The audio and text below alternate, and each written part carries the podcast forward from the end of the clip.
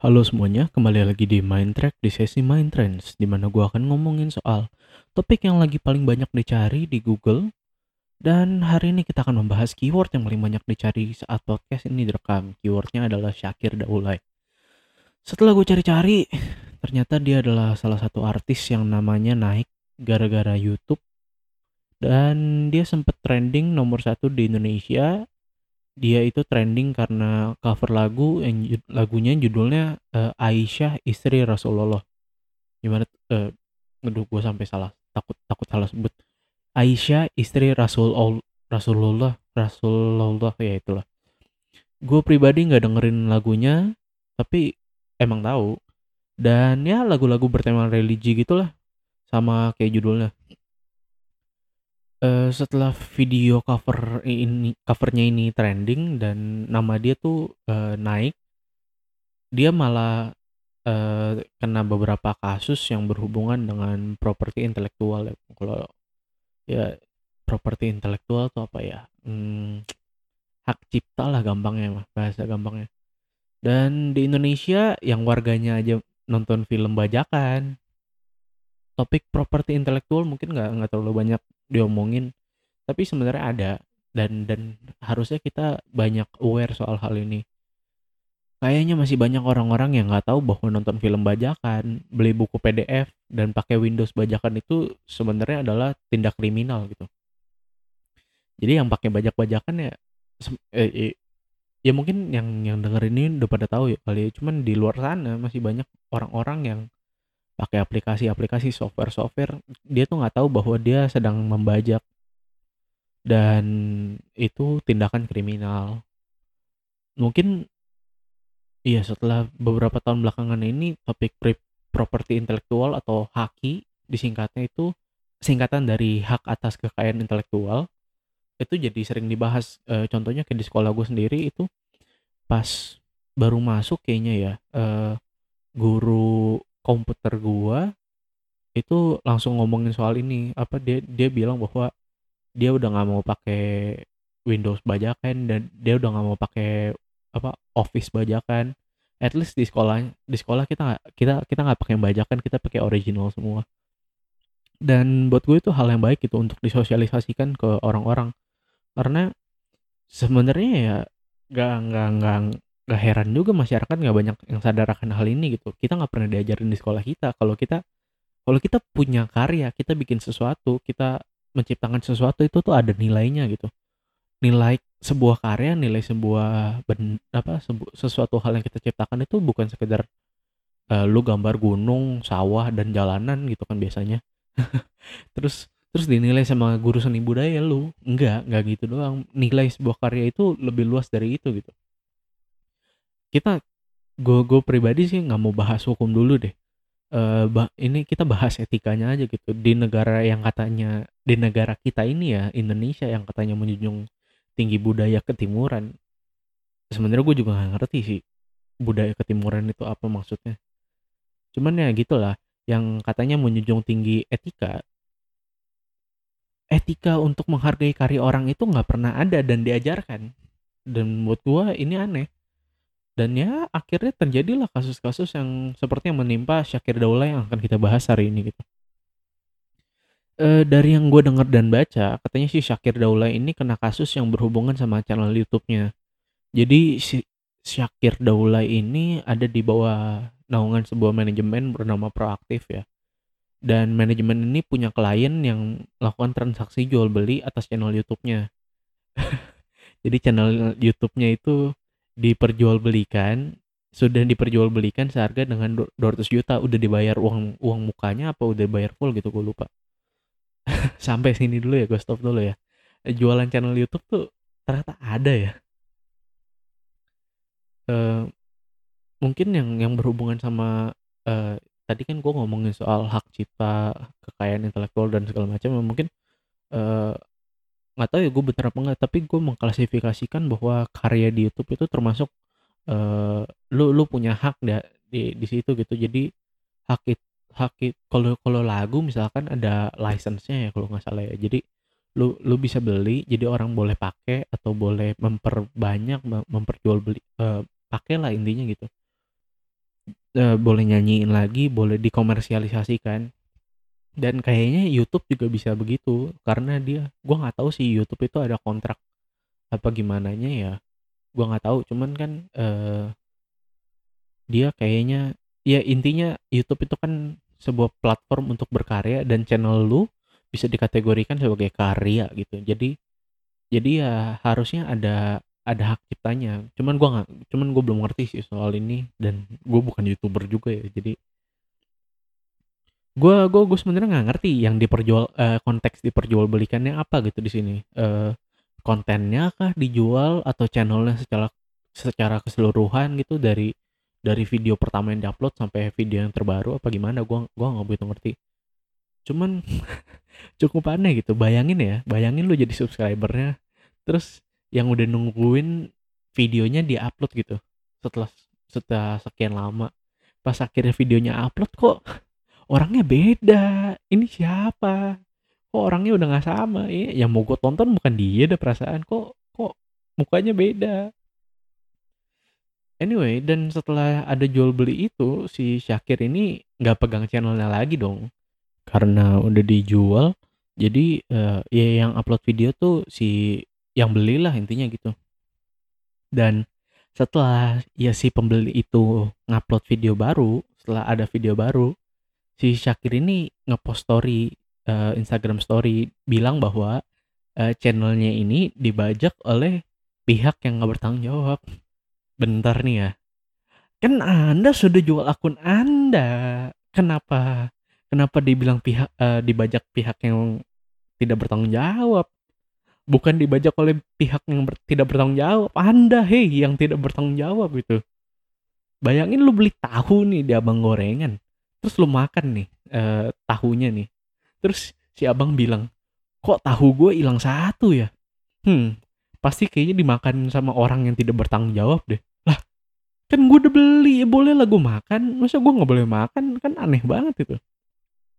Dan karena si statement ini, karena karena story-nya ini si Syakir itu sampai di apa, disomasi, eee, di di ya disomasilah, disuruh membuat permintaan maaf dan katanya dia nggak nggak nggak minta maaf dan akhirnya di dibawa ke polisi. Dan ternyata kasusnya itu nggak cuman soal channel YouTube-nya doang dan videonya juga ternyata ada salah satu yang bermasal ya yang bermasalah gitu. Kan dia trending gara-gara nyanyiin sebuah lagu ya. Lagu yang di-cover itu eee, yang Aisyah istri Rasulullah itu, eee, diciptakan oleh orang Malaysia. Ini tumben-tumbenan yang biasa Malaysia dibilang Malingsia, sekarang di Malingsia gitu. Lagunya ini menurut kesaksian si Syakir ini udah dibeli license-nya dari publisher, dari yang gua gua nggak tahu bahasanya lah. Pokoknya dari yang dari yang berhak dia udah, eee, dia udah beli lagunya. Tapi kalau menurut si pencipta lagunya, dia dia dia ini nggak tahu apa-apa soal jual beli ini. Gua nggak begitu ngerti ya soal sistem gimana copyright dalam cover lagu ya. Dan sebenarnya gua nggak ngerti apa-apa soal copyright sih, sotoy aja gitu gua ngomong ya. Ya intinya hak cipta lah gitu, lu lu nggak bisa pakai propertinya tanpa izin dan sebenarnya gua gua nggak begitu ngerti soal apa yang terjadi di sini ya, yang jelas katanya, eee, izin lagunya belum di eee, izin izinnya itu belum diberikan buat dia da kan YouTube itu dapat duit ya, jadi dia mengkomersialisasikannya ini tuh belum belum belum dapat izin. Dan mungkin di antara kalian ada yang masih bertanya gitu, "Masa masa gue nyanyi aja perlu izin gitu? Aneh banget." Ya kalau gitu di kamar mandi gue udah kena copyright berapa ratus kali dong, mana satu kali sesi mandi satu album lagi. Mmm, mungkin gue perbaiki kali ya, maksudnya yang lebih tepatnya itu, eee, lu butuh izin kalau ada kegiatan komersialisasi yang tadi gue bilang. Jadi kalau lu nyanyi di kamar mandi dan dibayar misalkan secara profesional, ya lu harus izin karena pemilik hak ciptanya punya hak atas keuntungan dari kegiatan komersial yang lu lakukan. Eee, ini yang sering kita nggak sadar sebenarnya. Eee, bahkan kita saat bikin sebuah karya yang kelihatannya punya kita sendiri, nyatanya kebanyakan bukan kebanyakan sih, nyatanya itu bukan punya punya kita sendiri gitu ya. Contoh gampangnya gini deh, eee, pasti lu pernah bikin pernah bikin PowerPoint dan menyertakan gambar yang lu ambil dari internet. Apa lu pernah mikir gitu, gimana cara gambar itu bisa muncul gitu kan? Ya nggak mungkin dong gambar itu muncul sendiri gitu, pasti ada yang gambar, ada yang bikin gambarnya atau atau ngefoto gitu, ngejepret apa gimana gua eee, ya macam-macam lah. Pokoknya gambar itu kan nggak nggak mungkin tiba-tiba muncul sendiri. Dan ya seharusnya si pemilik gambar itu setidaknya dapat kredit gitu dalam dalam presentasi lu. Seharus haru eee, etikanya sebenarnya begitu ya kalau menurut gue ya, kalau menurut gue, kalau menurut lu tidak seperti itu ya terserah lah. Cuman ya harusnya begitu. Dan apalagi kalau lu bikin presentasinya buat bisnis lu gitu, buat misalkan, eee, presentasi, eee, buat perusahaan dan lu dapet dan lu dapet keuntungan gitu dari presentasi itu, misalkan dapet, eee, deal deal proyek gitu apa gimana ya, dan lu dapet keuntungan. Tapi keuntungannya itu ya atas atas hasil karya orang lain gitu. Meskipun kecil ya mungkin menurut lu andilnya, cuman ya dia membantu lu dapet dapet deal itu gitu. Jadi kalau menurut gue ya harusnya ya dia setidak-tidaknya tuh dapet dapet dapet kredit gitu. Dan ini juga kenapa kesadaran tentang hak cipta dan kekayaan intelektual itu penting. Sekolah juga kayaknya nggak banyak sadar dengan hal ini deh. Banyak sekolah yang asal pajang karya muridnya aja gitu, tan tapi nggak pernah minta izin, nggak pernah nanya muridnya mau boleh dipajang apa enggak.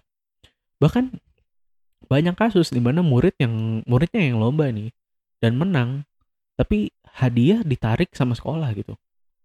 Sebenarnya nggak berhubungan langsung sama hak cipta, tapi dasar nilai etikanya menurut gue sama gitu. Eee, ini dasarnya adalah menghargai karya orang lain, kita harus belajar untuk menghargai karya orang lain yang sudah dikerjakan, udah di dibuat oleh orang lain. Jadi kita nggak boleh asal ngambil, asal nyolong aja gitu. Bahas istilahnya, eee, kasarnya mungkin nyolong gitu ya. Cuman ya nggak tahu lah ya bisa dibilang nyolong apa enggak. Dan gue banyak lihat di timeline eee, di timeline gitu video-video atau foto yang dibagikan oleh akun-akun apalah itu biasanya atau kalau di Line itu official account biasanya. Yang menurut gue ya, gue bisa bilang itu nggak bertanggung jawab gitu. Mereka jadi dapat followers, mereka dapat endorse, dapat uang, tapi dibangun atas hasil karya orang lain gitu. Mereka kan biasa banyak yang apa, eee, nge-re-upload video-video orang lain. Masukin apa, gambar-gambar punya orang lain, tanpa mungkin tanpa gue nggak tahu izin apa enggak ya, cuman gue pernah lihat di salah satu itu tuh ada sat seorang apa ya, ilustrator ya bahasanya, gue nggak tahu lah, pokoknya dia punya sebuah gambar gitu, dan dia gambar gambarnya ini, eee, diposting oleh sebuah akun Instagram yang yang semacam ya gitulah akun-akun yang biasa, eee, kayak lucu-lucuan atau apa, estetik-estetik gitu, dan ya ke-gap gitu, ketahuan sama yang punya, eee, bahwa, oh nih nih nih akun tuh nggak pernah nggak pernah minta izin, nggak pernah apa, nggak pernah ngomong, tapi tiba-tiba, eee, dia nge-post aja gitu. Ya gue nggak tahu itu itu bener apa enggak ya, kalau menurut gue sih nggak nggak nggak nggak nggak bagus lah gitu ya. Dan menurut gue pribadi bahkan ini bisa dibilang nggak etis gitu. Gua bikin podcast ini berusaha untuk bikin sendiri tanpa nyolong gitu, semua semua logo, semua gambar yang gue pakai ya gue bikin sendiri. Well, gue nggak mau hipokrit gitu ya, gue nggak mau munafik. Ada beberapa li aplikasi sih yang gue pakai dengan dengan bajakan gitu, bajakan yang gue pakai. Dan gue nggak mau membenarkan perilaku gue ya itu udah udah jelas salah ya udah. Logo yang gue pakai itu eee, gue bikin di sebuah aplikasi gratisan dan gue desain sendiri, gue bikin sendiri. Jadi ya itu memang punya gue, memang memang gue yang bikin. Dan semua musik yang gue pakai itu juga gue gue bikin sendiri, gue rekam sendiri. Sebisa mungkin, eee, gue ya, least gue gitu, gue, eee, punya punya prinsip janganlah gue membangun karya punya gue tapi di atas atas karya orang lain gitu, atas milik orang lain yang yang bukan punya gue gue belajar untuk menghargai kerja keras orang lain gitu ya. Ya gue gua nggak sempurna dalam hal ini. Bahkan kayaknya masih banyak yang gue lupa untuk kasih kreditnya untuk gue kasih acknowledge gitulah setidaknya uh, apa ya bahasanya ya. Gitulah lo lo ngerti ya uh, belajar untuk menghargai kerja keras orang lain gitu. Dan hindari penggunaan kata ah dia bikinnya gampang kan? Atau ah dia juga udah untung banyak gitu. Ya gimana pun juga dia berhak gitu atau sesuatu yang dibuat gitu. Kan dia udah kerja keras untuk buat itu. Jadi jangan jangan mungkin kelihatannya gampang cuman lu nggak tahu effort dia segimana untuk bikin itu. Kalaupun memang gampang gitu ya dan lu pakai ya mendingan lu bikin sendiri aja nggak sih? Kan gampang gitu. Jadi jadi ya, ya itu full punya lu gitu. Lu berhak ngapain aja atas itu. Dan eh nih gua rada deg-degan gitu ngomongnya. Mungkin gue bahkan bakal akan ditangkap polisi gitu atas pernyataan gue yang satu ini yang abis ini gitu. But but anyway I find I find in the, I find it true. Aduh buset gue ngomongnya susah banget masyarakat kita itu ya sangat benci kayaknya sama yang namanya komunisme gitu. Entah ideologinya entah orang-orang yang menganut entah negara-negara yang menganut kayaknya kita benci banget gitu. Dan uh, ini akan sedikit nggak nyambung ya but bear with me gitu. Uh, stay bentar lu lu dengerin gue dulu argumentasi gue dulu bahwa saking bencinya ya zaman zamannya PKI dulu banyak uh, setelah setelah terjadi G30 SPKI ya banyak terjadi semacam witch hunt gitu. Kalau zaman dulu witch hunt itu ada di, karena masyarakat Eropa waktu itu di bawah kekuasaan gereja uh, saat itu mereka merasa gitu masyarakatnya merasa bahwa kalau mereka uh, itu melakukan sesuatu yang baik mereka diberkati. Kalau mereka membunuh biasanya para wanita ya yang dituduh melakukan praktek sihir para penyihir itu kalau dibunuh sama mereka mereka itu dapat pahala lah gitu dan um, ya mereka dituduh doang tapi tapi tapi dibunuh. Garis bawahi ya dituduh gitu. tidak melewati proses hukum mereka tiba-tiba dihukum mati aja gitu.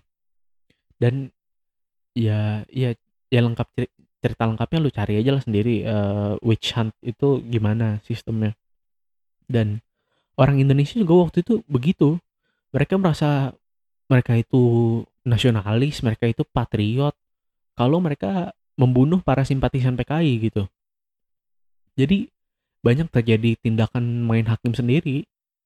Uh, mungkin lo nanya gitu hubungannya apa sama hak cipta?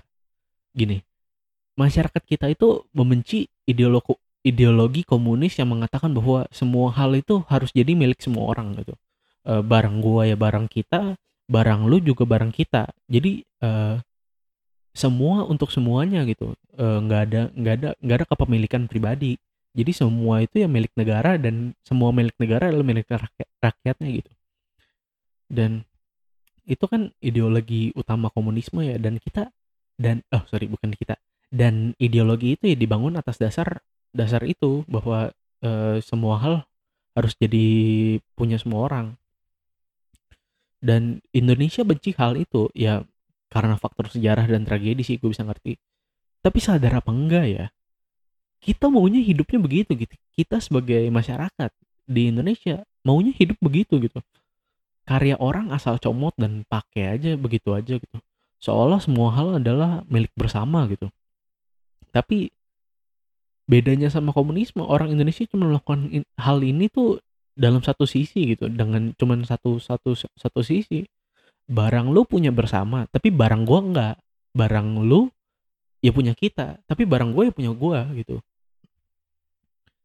Dan gue pernah dengar kata-kata oh, siapa ya? Gue lupa gitu. Dia dia pernah ngomong bahwa uh, orang Indonesia itu komunis kalau soal apa yang dari negara ke warga tapi kapitalis kalau soal dari warga ke ke, ke, ke negara gitu ya menuntut mulu gitu kalau kalau soal fasilitas. Tapi kalau tanggung jawab dia ke negara dia nggak mau rugi. Dan ini terjadi juga dalam dalam dalam hal hak cipta gitu dalam haki yang tadi gue bahas ya. Kita pakai punya orang sembarangan tapi kalau punya kita dipakai kita ngomel-ngomel gitu kan ini aneh gitu. Dan kalau kalau dilihat-lihat ya kayaknya uh, ideologi komunisme itu lebih adil daripada daripada itu gitu. However uh, gue tetap uh, pro demokrasi ya jangan jangan jangan memotong-motong podcast ini ya. Gue gue tetap mendukung demokrasi gue tetap mendukung pancasila dan daripada uh, musuhnya komunisme kan uh, kapitalisme ya. Gue gue lebih gue lebih setuju kapitalisme karena ya komunisme itu paham yang udah usang dan udah terbukti gagal gitu. Banyak uh, banyak negara-negara yang uh, akhirnya ya melepaskan uh, ideologi ini gitu karena mereka merasa bahwa nggak nggak nggak bisa susah untuk ngatur ini. Dan mungkin habis ini gue akan dituduh simpatisan PKI ya. Cuman kalau gue ditangkap ya cuman membuktikan kata-kata gue benar adanya gitu. Bahwa ya orang suka-suka aja kalau soal nuduh-nuduh orang lain nggak nggak pernah melihat ke dirinya sendiri atau atau dia nggak mau nggak mau dituduh sama orang lain atau nggak mau dibalikin gitu. The the point is uh, ini poinnya gitu ya. At least hargailah apa apa yang orang lain udah buat gitu. Itu aja sih uh, poin dari podcast ini. Dan bahas sedikit lagi balik soal si Syakir Daula itu ya. Kalau lu udah jual ya udah dibayar lagi gitu ya. Ya udahlah ya di, dilepasin aja. Lu lu bikin baru apa gimana kayak apa? Ah gua nggak ngerti lah. Cuman ya ya gitulah. Hmm, sekian aja dari gua. Uh, konten ini diuploadnya telat ya.